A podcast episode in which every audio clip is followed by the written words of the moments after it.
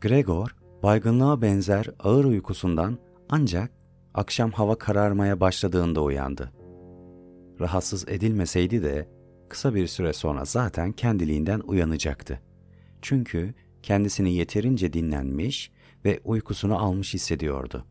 Ancak ona öyle geliyordu ki hafif ayak seslerinden ve antreye açılan kapının anahtarının dikkatle çevrilmesinden uyanmıştı. Sokak lambasının ince ışığı odanın tavanının orasını burasını aydınlatıyor ve mobilyaların üst kısımlarına vuruyordu. Fakat aşağısı Gregor'un olduğu yer karanlıktı. Ne işe yaradığını henüz öğrendiği duyargalarıyla etrafı beceriksizce yoklayarak neler olduğunu görmek için yavaş yavaş kapıya doğru süründü. Sol tarafında sanki kocaman ve kötü bir yara vardı ve sızlıyordu ve iki taraftaki bacaklarının üzerinde de adam akıllı aksayarak ilerleyebiliyordu. Ayrıca bir bacağı öğleden önceki olaylarda ağır şekilde yaralanmıştı. Sadece bir bacağının yaralanması neredeyse bir mucizeydi ve hiçbir şey hissetmeden sürükleniyordu. Ancak kapıya yanaştığında kendisini oraya çekenin ne olduğunu anladı. Yiyecek bir şeylerin kokusuydu bu. Oradaki ufak bir kapta içinde küçük ekmek parçalarının yüzdüğü şekerli süt bulunuyordu. Neredeyse sevinç çığlığı atacaktı. Çünkü sabahkinden daha büyük bir açlık duyuyordu ve başını neredeyse gözlerine kadar kabın içine soktu. Fakat hayal kırıklığına uğrayarak hemen geri çekti. Sadece yaralı olan sol yanı nedeniyle yemesi güçleştiği için değil, çünkü ancak bütün bedeni soluk soluğa hareket ederse yiyebiliyordu.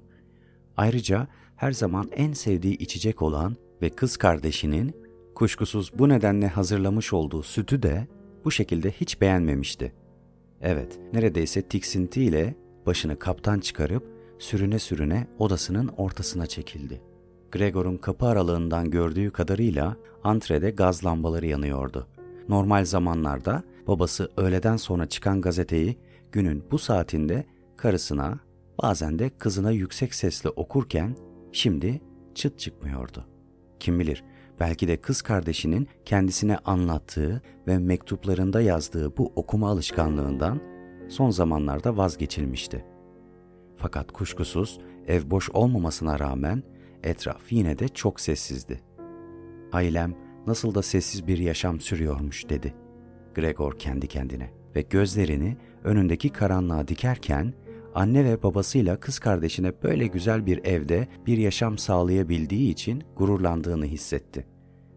Fakat ya şimdi bütün bu huzur, bütün bu rahatlık ve memnuniyet korkunç bir şekilde sona erecek olursa? Bu tür düşünceler içinde kendini kaybetmemek için harekete geçti ve odada bir aşağı bir yukarı sürünmeye başladı. Bir defasında bütün akşam boyunca kapının önce bir kanadı, sonra diğer kanadı küçük bir aralık olacak şekilde açıldı ve tekrar hızla kapandı. Herhalde biri içeriye girme ihtiyacı duymuş ama endişelenerek vazgeçmişti. Bunun üzerine Gregor kapının yanına gidip tereddüt eden ziyaretçiyi ne yapıp edip içeriği sokmaya ya da en azından kim olduğunu öğrenmeye kararlı bir şekilde kapının yanına gidip beklemeye başladı. Fakat kapı bir daha açılmadı ve Gregor boş yere bekledi. Sabahleyin bütün kapılar kilitliyken hepsi onun yanına gelmek istemişti. Şimdi ise Gregor kapılardan birini açtığı ve görünen o ki diğer kapılar da gündüz açıldığı halde artık kimse yanına gelmiyordu ve kapıların anahtarları da dışarıdan kilide sokulmuştu. Oturma odasındaki ışık ancak gece geç bir vakitte söndürüldü ve Gregor annesinin, babasının ve kız kardeşinin onca zamandır uyumadıklarını anladı. Çünkü şimdi üçünün de parmaklarının ucuna basa basa çekildiklerini duyuyordu. Artık sabaha kadar kimse Gregor'un odasına gelmezdi. Bu durumda Gregor'un bundan sonraki yaşamını nasıl düzenleyeceğini rahatsız edilmeden düşünecek çok zamanı vardı. Fakat döşemesinde karnının üzerine uzanmak zorunda kaldığı bu yüksek tavanlı oda, beş yıldır içinde yaşadığı kendi odası olmasına rağmen ona anlamını çözemediği bir korku veriyordu. Tam o sırada farkında olmadan yaptığı bir dönüşle ve biraz da utanarak kanepenin altına koştu. Sırtının biraz ezilmesine ve başını artık dik tutamamasına rağmen birden kendini çok daha rahat hissetmeye başlamıştı. Sadece bedeni çok geniş olduğu için kanepenin altına tam yerleşemediğine üzülüyordu. Orada bütün gece kalan Gregor geceyi kah açlığın verdiği ürküntüyle uyuyup uyanarak, kah endişeye ya da anlamsız umutlara kapılarak geçirirken her halükarda şimdilik sessiz kalmaya, şu anki durumu nedeniyle ailesinin başına açtığı sıkıntılı durumu onlara sabır ve saygı göstererek katlanır hale getirmeye karar verdi. Sabahın çok erken saatlerinde, neredeyse henüz ortalık aydınlanmamışken, Gregor biraz önce verdiği kararların gücünü sınama fırsatı buldu. Çünkü neredeyse tepeden tırnağa giyinip kuşanmış olan kız kardeşi kapıyı açtı ve merakla içeriye baktı. Gregor'u hemen görmedi fakat kanepenin altında olduğunu fark edince ''Tanrım, buralarda bir yerde olmalı. Uçmadı ya.'' O kadar çok korktu ki kendini tutamayıp kapıyı dışarıdan kapattı. Fakat davranışından pişmanlık duymuş gibi kapıyı tekrar açtı ve sanki ağır bir hastanın ya da yabancı birinin yanına giriyormuş gibi parmak uçlarına basa basa içeri süzüldü. Gregor kafasını neredeyse kanepenin kenarına kadar çıkarmış, onu izliyordu. Acaba kız kardeşi süte hiç dokunmadığını, karnı aç olmadığı için değil de beğenmediği için yemediğini fark edecek ve Gregor'un sevdiği başka şeyler getirecek miydi? İçinden kanepenin altından çıkıp doğru dürüst diyecek bir şeyler getirmesi için kız kardeşinin ayaklarına kapanmayı geçirse de kız kardeşi kendiliğinden fark etmediği takdirde onun dikkatini bu noktaya çekmektense açlıktan ölmeye kararlıydı. Fakat kız kardeşi içindeki sütün biraz etrafa saçıldığı dolu kabı hemen gördü ve şaşırdı. Derhal kaldırdı. Ama çıplak elleriyle dokunmadı. Bir parça bezle tutup dışarı götürdü. Gregor, kız kardeşinin sütün yerine ne getireceğini merakla beklemeye başladı. Kafasından bir sürü şey geçiyordu. Fakat iyi niyetli kız kardeşinin aslında ne getireceğini tahmin edemezdi. Kız kardeşi onun ne istediğini öğrenebilmek için eski bir gazetenin üzerine bir sürü yiyecek koymuştu. Bunlar beklemekten yarı yarıya çürümüş sebzelerdi. Akşam yemeğinden kalma, üzerindeki beyaz sosun sertleştiği kemikler, birkaç üzüm ve badem, iki gün önce Gregor'un artık yenilmez bu dediği bir parça peynir, bir dilim kurumuş ekmek, bir dilim tereyağı sürülmüş ekmek ve bir dilim de tereyağı sürülmüş tuzlanmış ekmek. Ayrıca bütün bunların yanına bir de içi su dolu bir kap koydu ve Gregor'un kendisinin yanında yemeyeceğini düşündüğü için büyük bir incelik göstererek çabucak oradan uzaklaştı ve hatta Gregor'a canının istediği gibi davranabileceğini göstermek için kapıyı dışarıdan kilitledi. Yemek zamanı geldiği için Gregor'un bacakları titremeye başlamıştı bile. Yaralarına gelince çoktan hepsi iyileşmiş olmalıydı. Çünkü hiç ağrı hissetmiyordu. Buna şaşırmıştı. Bir aydan daha uzun bir süre önce bıçakla parmağını hafif kestiğini ve bu yaranın daha düne kadar acı verdiğini anımsadı. Şimdi daha mı az duyarlı olmaya başladım acaba diye düşündü ve bütün yiyeceklerin arasından canının en çok istediği peyniri çekip iştahla emmeye başladı. Derken art arda peyniri, sebzeleri ve sosu silip süpürdü. Zevkten gözlerinden yaşlar geliyordu. Taze yiyeceklerden ise hiç hoşlanmamıştı. Kokularına bile tahammülü yoktu ve yemek istediklerini bir kenara çekti. Hepsini yiyip bitirmişti kız kardeşi geldiğini haber vermek için anahtarı yavaş yavaş çevirdiğinde Gregor olduğu yerde tembel tembel uzanıyordu. Kilidin sesiyle ürktü ve dinleniyor olmasına rağmen yine de çabucak kanepenin altına koştu. Fakat kız kardeşinin odada bulunduğu kısa bir süre içinde bile yediği o kadar çok yemekten şişmiş karnıyla kanepenin altında o sıkışık yerde nefes almakta güçlük çekti hafiften boğulma tehlikesi atlattıktan sonra biraz dışarı fırlamış gözlerle hiçbir şeyin farkına varmayan kız kardeşinin bir süpürgeyle sadece artıkları değil, Gregor'un hiç el sürmediklerini dahi sanki artık yenilemezlermiş gibi topladığını, aceleyle bir kovaya doldurduğunu ve üzerini tahta bir kapakla kapatıp dışarıya taşıdığını gördü. Kız kardeşi sırtını döner dönmez, Gregor kanepenin altından fırladı. Gerinip gaz çıkardı. Yemeği her gün bu şekilde getirildi. Gregor'un birinci öğünü sabahları annesi, babası ve hizmetçi kız henüz uyurlarken, ikinci öğünü öğle yemeğinden sonra çünkü o zaman da anne ve babası biraz kestiriyor ve hizmetçi kızı da kız kardeşi bir şey almak için dışarıya gönderiyordu. Kuşkusuz onlar da Gregor'un açlıktan ölmesini istemezdi. Fakat onun yemek yediğini bilmekle yetinmek istiyorlardı. Belki de kız kardeşi onların acısını azaltmaya çalışıyordu. Çünkü gerçekten çok fazla acı çekiyorlardı. O sabah doktorun ve çilingirin ne tür bahanelerle geri gönderildiklerini Gregor öğrenemedi.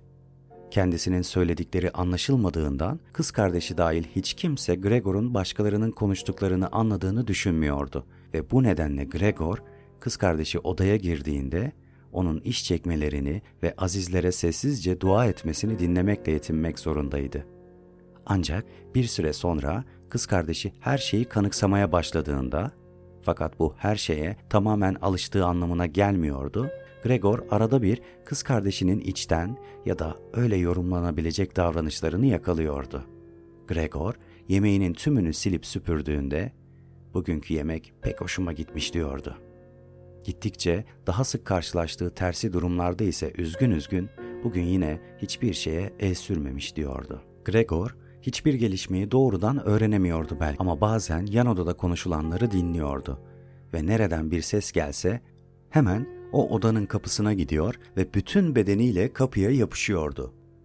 Özellikle ilk zamanlar gizli de olsa öyle ya da böyle Gregor'un adının geçmediği tek bir konuşma dahi olmuyordu. İki gün boyunca bütün yemeklerde bundan böyle nasıl davranılması gerektiği konusu tartışıldı. Fakat öğünler arasında da hep aynı konu konuşuluyordu. Çünkü kimse evde yalnız kalmak ya da evi tümden yalnız bırakmak istemediği için evde en az iki aile üyesi oluyordu. Hatta hizmetçi kız bile daha ilk gün olaydan ne derece haberdar olduğu bilinmiyordu.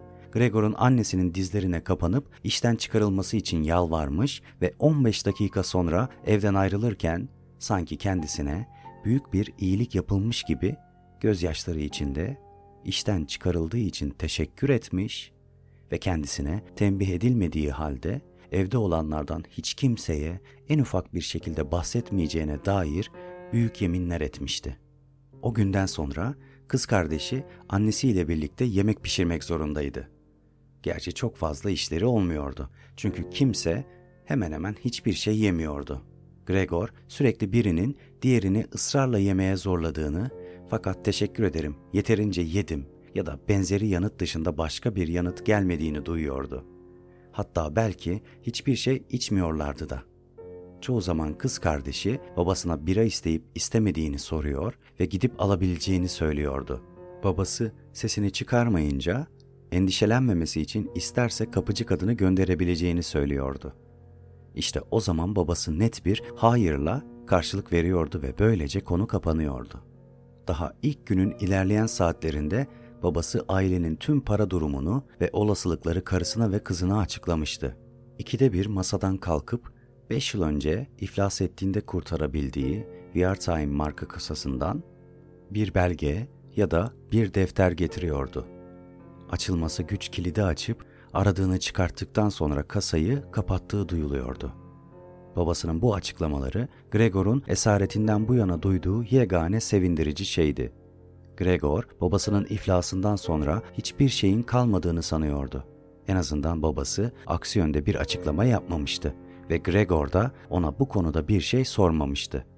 O tarihlerde Gregor için en önemli şey ailenin tüm fertlerini derin bir umutsuzluğa götüren iflası olabildiğince kısa bir sürede unutturmaktı ve böylece Gregor o tarihlerde büyük bir şevkle çalışmaya başlamış ve çok kısa bir sürede küçük bir katipken doğal olarak para kazanmanın çeşitli olanaklarına sahip olan, başarılı çalışmaları parayla ödüllendirilen ve bu parayı evde hem şaşkın hem de mutlu ailesinin önüne koyabilen bir pazarlamacı olmuştu.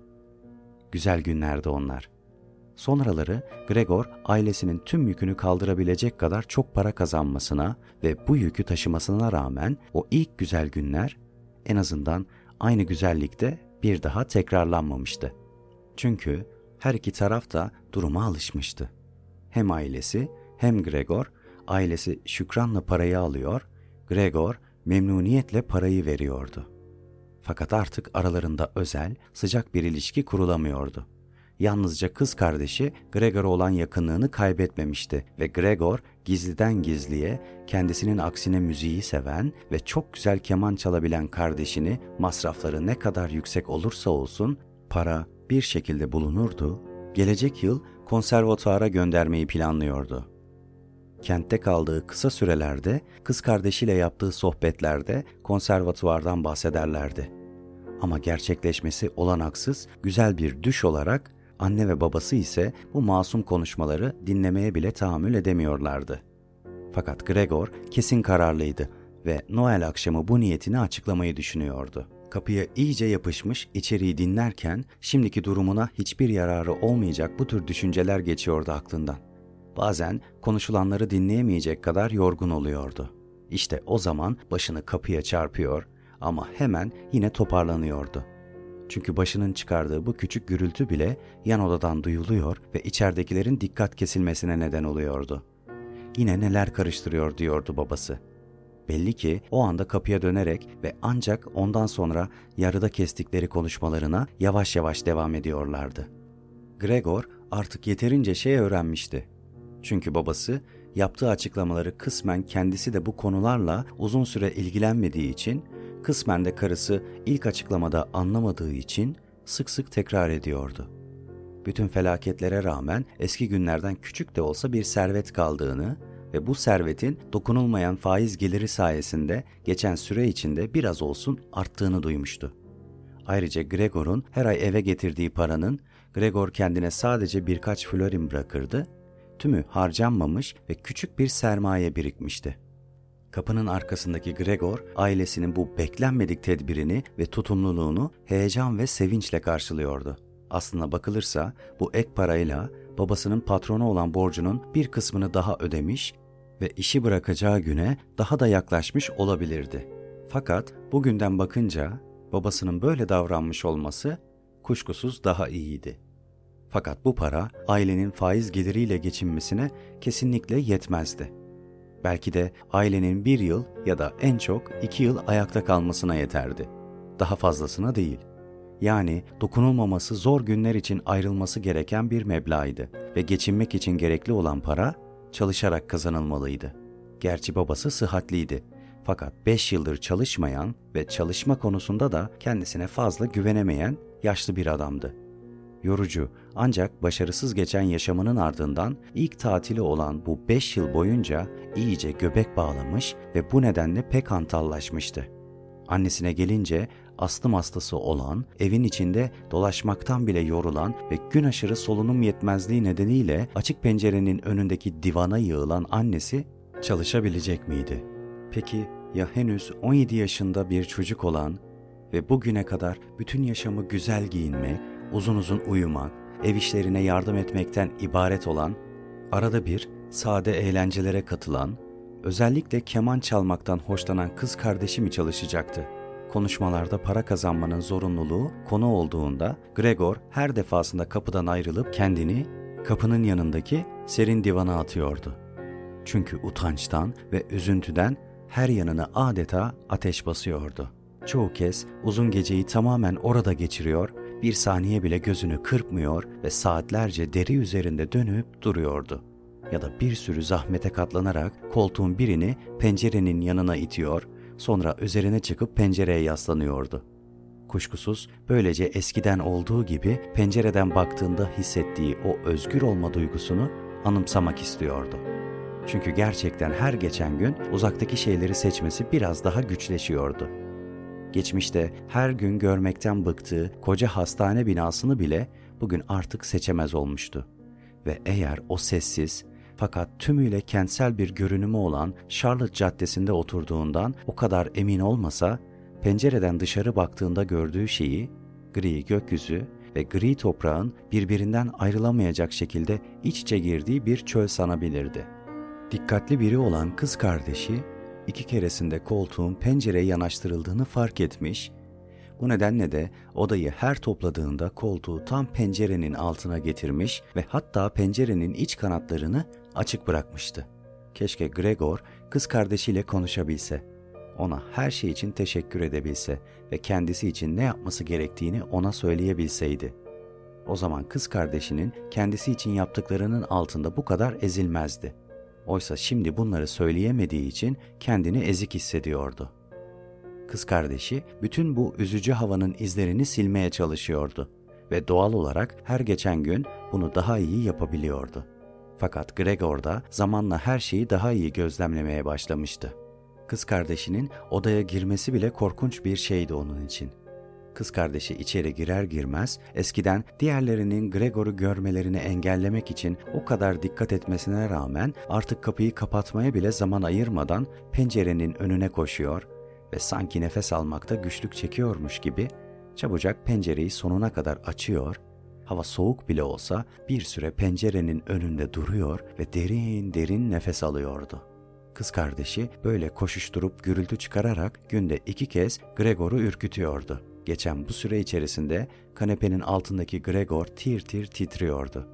Fakat kız kardeşi Gregor'un olduğu bir odada pencereler kapalıyken kalabilse asla böyle bir şey yapmazdı. Gregor bunu çok iyi biliyordu.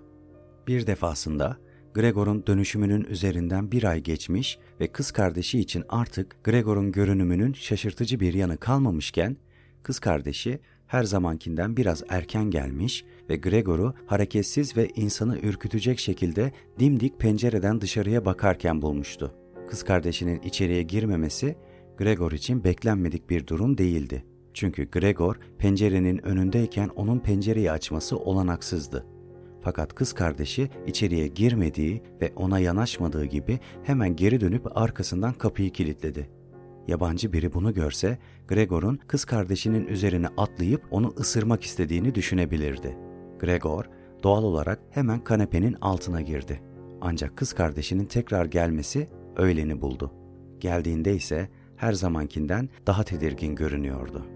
Gregor kız kardeşinin onu görmeye katlanamadığını ve katlanamayacağını seziyordu ve kanepenin altından bedeninin küçücük bir bölümü dahi çıksa kız kardeşinin bunu gördüğünde kaçıp gitmemek için kendisini tutmak zorunda kaldığını anlıyordu. Onun bu manzaraya maruz kalmasını önlemek için bir gün yatak çarşafını sırtında taşıyıp bunu yapmak onun dört saatini aldı, kanepenin üzerine öyle yaydı ki kanepenin altındaki bedeninin hiçbir tarafı gözükmüyordu artık.'' Kız kardeşi eğilse bile onu görmesi imkansızdı. Kız kardeşi bu çarşafı gereksiz bulmuş olsa kaldırırdı. Çünkü Gregor'un keyfinden böyle saklanmaya çalışmadığını anlaması zor değildi. Fakat kız kardeşi çarşafı olduğu yerde bıraktı ve hatta Gregor bir ara onun bu yeni uygulamayı nasıl bulduğunu anlamak için çarşafı dikkatle birazcık kaldırıp başını çıkarttığında kız kardeşinin bakışlarıyla kendisine adeta teşekkür ettiğini hissetti ilk 14 gün anne ve babası dayanamayacaklarını düşündükleri için Gregor'un odasına gelmediler ve Gregor onların o güne kadar işe yaramaz bir kız olarak gördükleri ve bu nedenle çok öfkelendikleri kız kardeşini şimdi yaptığı işten dolayı sık sık takdir ettiklerini duyuyordu.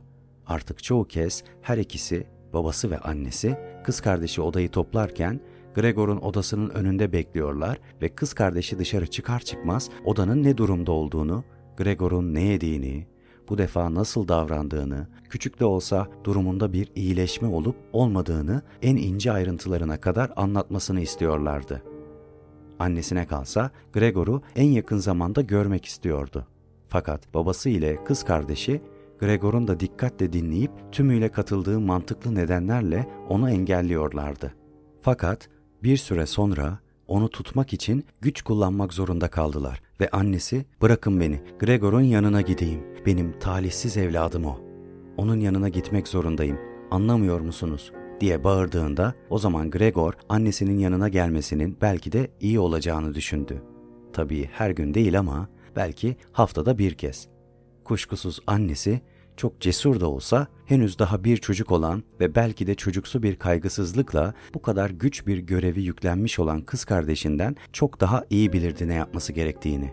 Gregor'un annesini görme arzusu kısa bir süre sonra gerçekleşti. Gregor gün boyunca ailesine duyduğu saygısından pencereden görünmemeye dikkat ediyor, birkaç metrekarelik zemin üzerinde de pek dolaşamıyordu. Hareket etmeden yatmak ise artık geceleri bile zor geliyordu. Bir süre sonra yemek yemek de en ufak bir zevk vermemeye başladı ve böylece oyalanmak için duvarlara ve tavana sürünme ve tırmanma alışkanlığı edindi. Özellikle tavana asılı kalmaktan pek hoşlanıyordu. Bu yerde uzanmaktan çok farklı bir şeydi. Daha rahat nefes alıyordu. Hafif bir sallanma bütün bedenini sarıyordu ve bazen yukarıda kendisini bu mutluluğa kaptırmışken farkında olmadan kendini aşağıya bıraktığı ve yere düştüğü oluyordu. Fakat şimdi bedenini eskisinden farklı bir şekilde kontrol edebildiğinden böyle bir düşmeyle bile herhangi bir yerini incitmiyordu. Kız kardeşi Gregor'un kendisi için bulduğu bu yeni eğlenceyi hemen fark etmişti.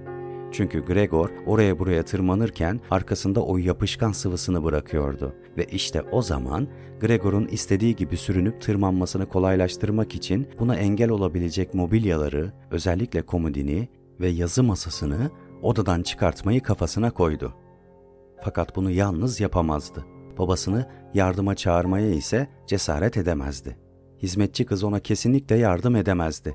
Çünkü tahminen 16 yaşındaki bu genç kız her ne kadar aşçı kadın ayrıldıktan sonra cesurca orada kalmayı kabul etmişse de mutfak kapısının sürekli kapalı olmasını, sadece gerekli olduğu zamanlarda açılmasını rica etmişti.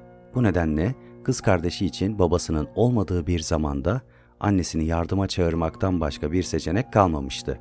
Annesi sevinç çığlıkları atarak koşmuş ancak Gregor'un kapısının önüne geldiğinde sesi kesilmişti. Tabii ki kız kardeşi önce başını içeri uzatıp odada her şeyin normal olup olmadığını kontrol etmişti. Sonra da annesini içeri almıştı. Gregor da aceleyle çarşafı daha aşağıya çekmiş ve kat kat yapmıştı. Bu şekilde gerçekten de sanki öylesine kanepenin üzerine atılmış bir örtü gibi duruyordu. Gregor bu defa çarşafın altından gizlice seyretmeye çalışmadı. Annesini bu gelişinde görmekten de vazgeçti. Annesinin odasına gelmiş olmasına sevinmekle yetindi. Gel haydi, o ortalarda yok dedi. Anlaşılan kız kardeşi annesinin elinden tutuyordu. Gregor bu iki zayıf kadının o ağır, eski komedini nasıl yerinden oynattıklarını, onun bir yerini incitmesinden korkan annesinin tüm uyarılarına karşın ağırlığın hepsini yüklendiğini duyuyordu. Yaptıkları iş çok uzun sürdü. Yaklaşık 15 dakika uğraştıktan sonra annesi komodini yerine koymalarının daha iyi olacağını söyledi. Çünkü birincisi komodin çok ağırdı ve kocası gelmeden taşıma işini bitiremeyeceklerdi. Odanın ortasında öylece bıraktıkları takdirde ise Gregor'un oda içindeki hareketi engellenecekti. İkinci neden ise eşyaları odadan çıkartmaları acaba Gregor'un hoşuna gidecek miydi? Anlaşılan annesi tam tersini düşünüyordu. Boş duvarların görünümü yüreğini acıtmıştı. Peki ya Gregor, o da aynı şeyi hissetmeyecek miydi? Çünkü ne de olsa o odadaki eşyalara çoktan alışmıştı ve bu nedenle bomboş bir odada kendini terk edilmiş hissedecekti. Öyle değil mi diye odanın içinde nerede olduğunu kesin bilmediği Gregor'a sesini bile duyurmamaya çalışarak çünkü Gregor'un söylenenleri anlamadığından emindi, adeta fısıldar gibi alçak sesle konuşmasına devam etti annesi. Öyle değil mi? Böyle mobilyaları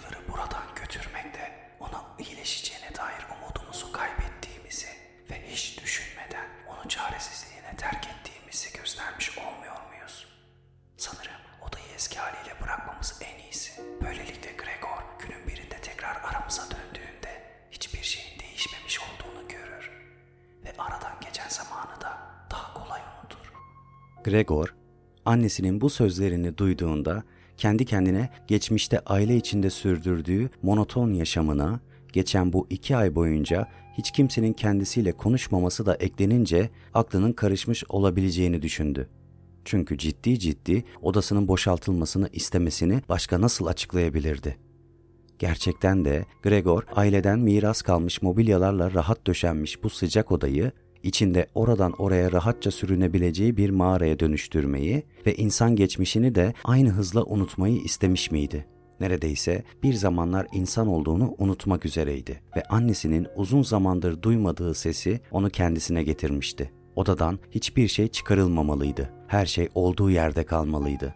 Mobilyaların onun şimdiki durumu üzerinde yaptığı olumlu etkiden vazgeçemezdi. Ve eğer mobilyalar anlamsızca oradan oraya sürünmesine engel olacaksa bu zararına değil, yararına olacaktı. Fakat ne yazık ki kız kardeşi aynı fikirde değildi. Kuşkusuz pek haksız da sayılmazdı. Anne ve babasına karşı özellikle Gregor'la ilgili konularda bilirkişi gibi davranmaya alışkındı ve şimdi başlangıçta sadece komodini ve yazı masasını çıkartmayı düşünmüşken annesinin sözleri çok gerekli olan kanepe dışında tüm eşyaların dışarı çıkartılması konusunda ısrar etmesi için yeterli bir neden oluşturdu. Kuşkusuz bu talebinin nedeni sadece çocuksu bir inat ya da son zamanlarda beklenmedik bir şekilde ve zor elde ettiği özgüven değildi. Aksine Gregor'un gerçekten de sürünmek için geniş alana ihtiyacı olduğunu, mobilyaları ise görüldüğü kadarıyla hiçbir şekilde kullanmadığını gözlemlemişti. Belki de yaşının verdiği ve her fırsatta tatmin olmayı amaçlayan coşkusunun da bunda büyük bir rolü vardı. Ve bu duygu onu Gregor konusunda o güne kadar olduğundan daha fazla şey yapabilmek için Gregor'un durumunu daha korkunç göstermeye itiyordu. Çünkü bomboş duvarlarına, Gregor'un tek başına hükmedeceği bir odaya, Grete dışında hiç kimse gitmeye cesaret edemeyecekti.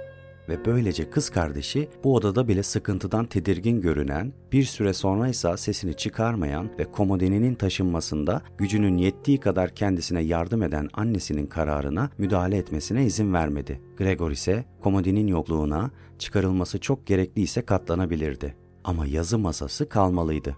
Kadınlar zar zor komodini henüz dışarıya çıkarmışlardı ki Gregor dikkatle ve kimseyi üzmeden olaya nasıl müdahale edebileceğini görmek için başını kanepenin altından çıkardı. Fakat talihsizlik bu ya, odaya ilk geri dönen annesi olmuştu. Grete ise o sırada yan odada komodini yalnız başına oraya buraya sürüklemeye çalışıyor fakat doğal olarak yerinden oynatamıyordu. Annesi Gregor'un görünümüne alışkın değildi. Onu görünce kendinden geçebilirdi. İşte bu nedenle Gregor korkuyla çabucak geri giderek kanepenin ta öbür ucuna çekildi. Ancak kanepenin üzerindeki çarşafın ön tarafının birazcık oynamasını engelleyemedi. Bu da annesinin dikkatini çekmeye yetti. Annesi birden durakladı. Bir an sessizce olduğu yerde kala kaldı ve sonra Grete'nin yanına gitti. Gregor sürekli olağanüstü bir şey olmadığını, sadece birkaç mobilyanın yerinin değiştirildiğini kendi kendine telkin etse de Yine de kısa bir süre sonra kadınların oraya buraya koşuşturmalarının, birbirlerine seslenmelerinin, mobilyaların döşemenin üzerinde çıkarttığı cızırtıların her biri dört bir yandan üstüne üstüne gelen büyük bir kargaşa hissi yarattı. Ve bu nedenle başını ve bacaklarını kasarak kendisine doğru çekerek ve bedenini zemine iyice yapıştırarak bu duruma daha fazla dayanamayacağını düşündü. Annesiyle kız kardeşi odasını boşaltıyorlardı. Sevdiği her şeyi götürüyorlardı içinde testere ve diğer aletlerin olduğu komodini götürmüşlerdi bile. Şimdi de zemine monte edilmiş, ticaret akademisindeyken, lisedeyken, hatta ilkokuldayken üzerinde ödevlerini hazırladığı çalışma masasının vidalarını gevşetiyorlardı. Gregor'un artık annesiyle kız kardeşinin iyi niyetlerini sınayacak zamanı yoktu. Onların orada olduğunu neredeyse unutmuştu bile. Çünkü iki kadın da yorgunluktan sessizce çalışıyorlardı ve sadece ayaklarının döşemede çıkardığı ağır sesler duyuluyordu. Ve Gregor kanepenin altından dışarı çıkıverdi. O sırada kadınlar yan odada biraz soluklanmak için çalışma masasına yaslanmışlardı. Dört kez yönünü değiştirdi.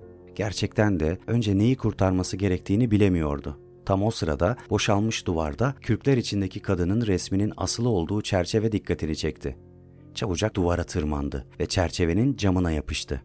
Cam hem gövdesini yutuyor hem de sıcak karnına iyi geliyordu.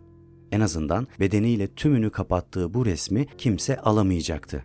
Kadınların geri dönüşünü gözlemek için başını oturma odasının kapısına doğru çevirdi. Annesiyle kız kardeşi fazla dinlenmeden geri geldiler.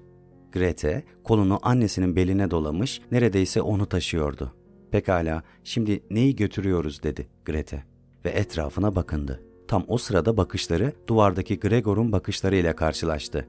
Ancak annesi yanında olduğu için şaşkınlığını gizledi.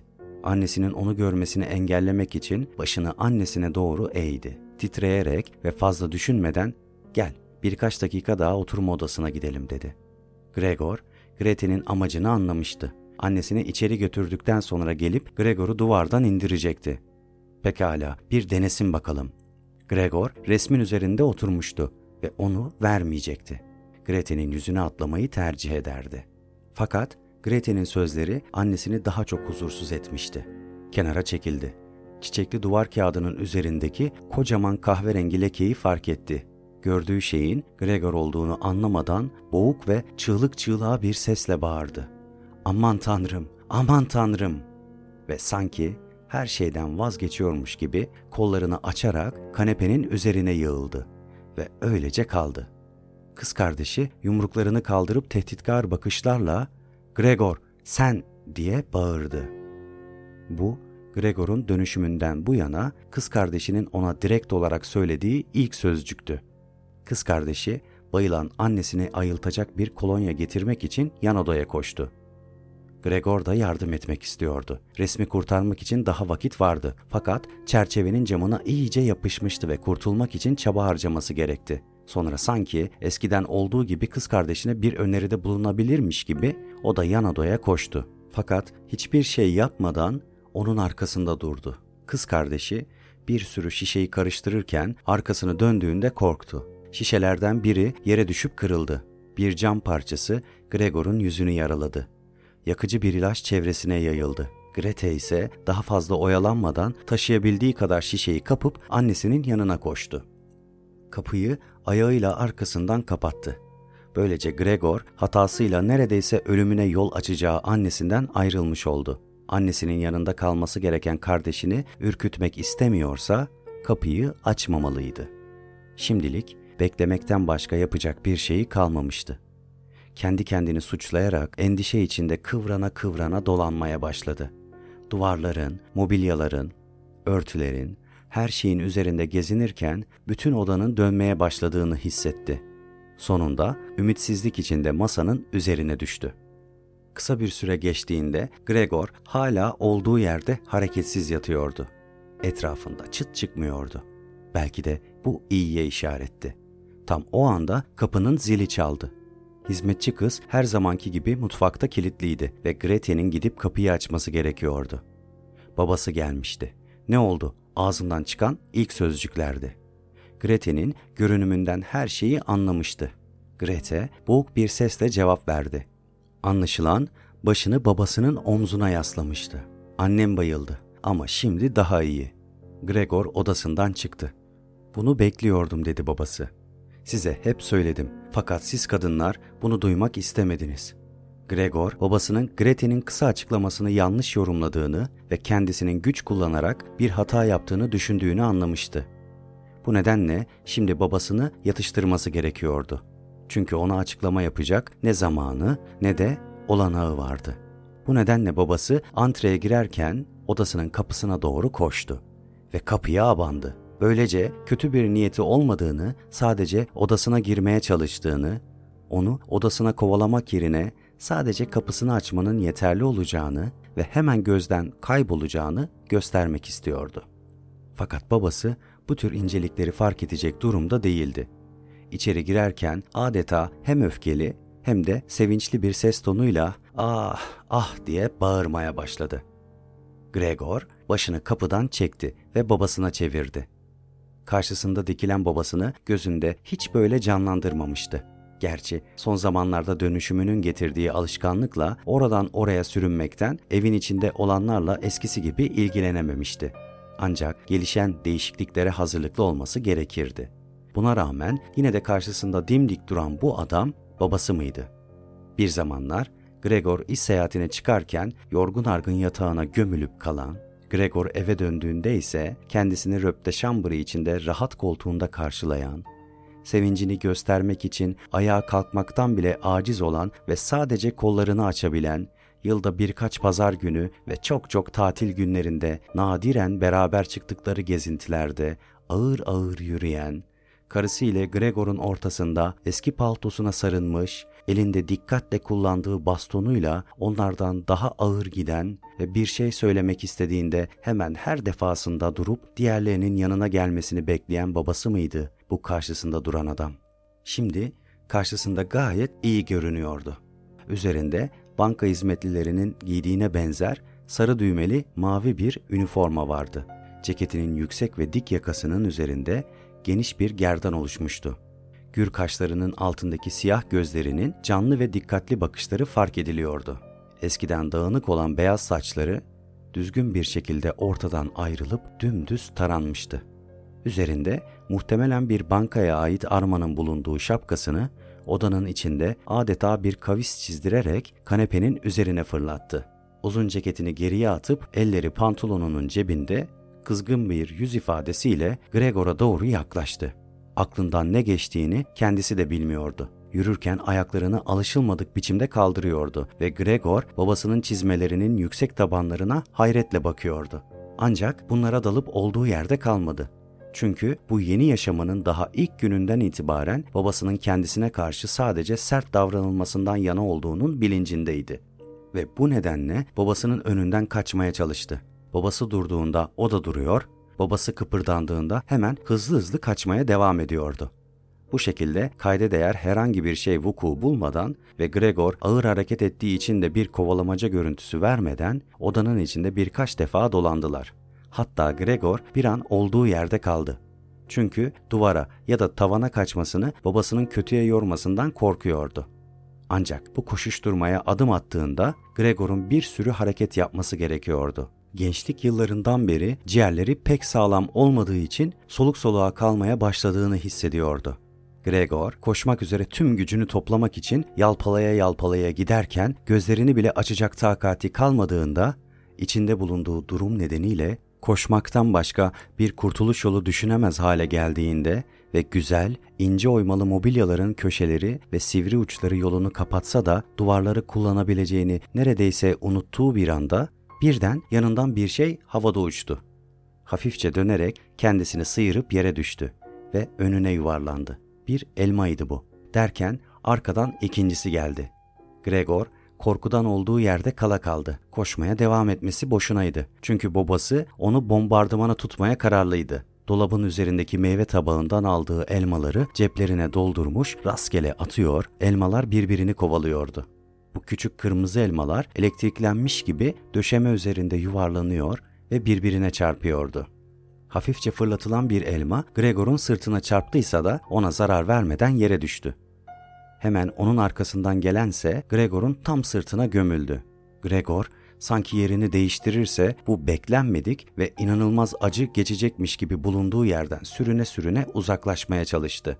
Ancak olduğu yere çakılmış gibiydi ve bütün duygularını büyük bir şaşkınlık kaplamıştı. Gözlerini son defa araladığında odasının kapısının açıldığını ve çığlıklar atan kız kardeşinin önünden annesinin üstünde sadece iş çamaşırlarıyla fırlayıp baygınken rahat nefes alması için kız kardeşi annesinin belden yukarısını soymuştu, kocasına doğru koştuğunu ve koşarken de bağları çözülen etekliklerinin birbiri ardına belinden kayıp yere düştüğünü, onların üzerinden sendeleyerek kocasının kollarına atladığını, ona sımsıkı sarıldığını, adeta tek vücut olduğunu, ancak burada Gregor'un görme yetisi zayıflamaya başlamıştı. Elleriyle kocasının boynuna sarılarak Gregor'un hayatını bağışlaması için yalvardığını gördü.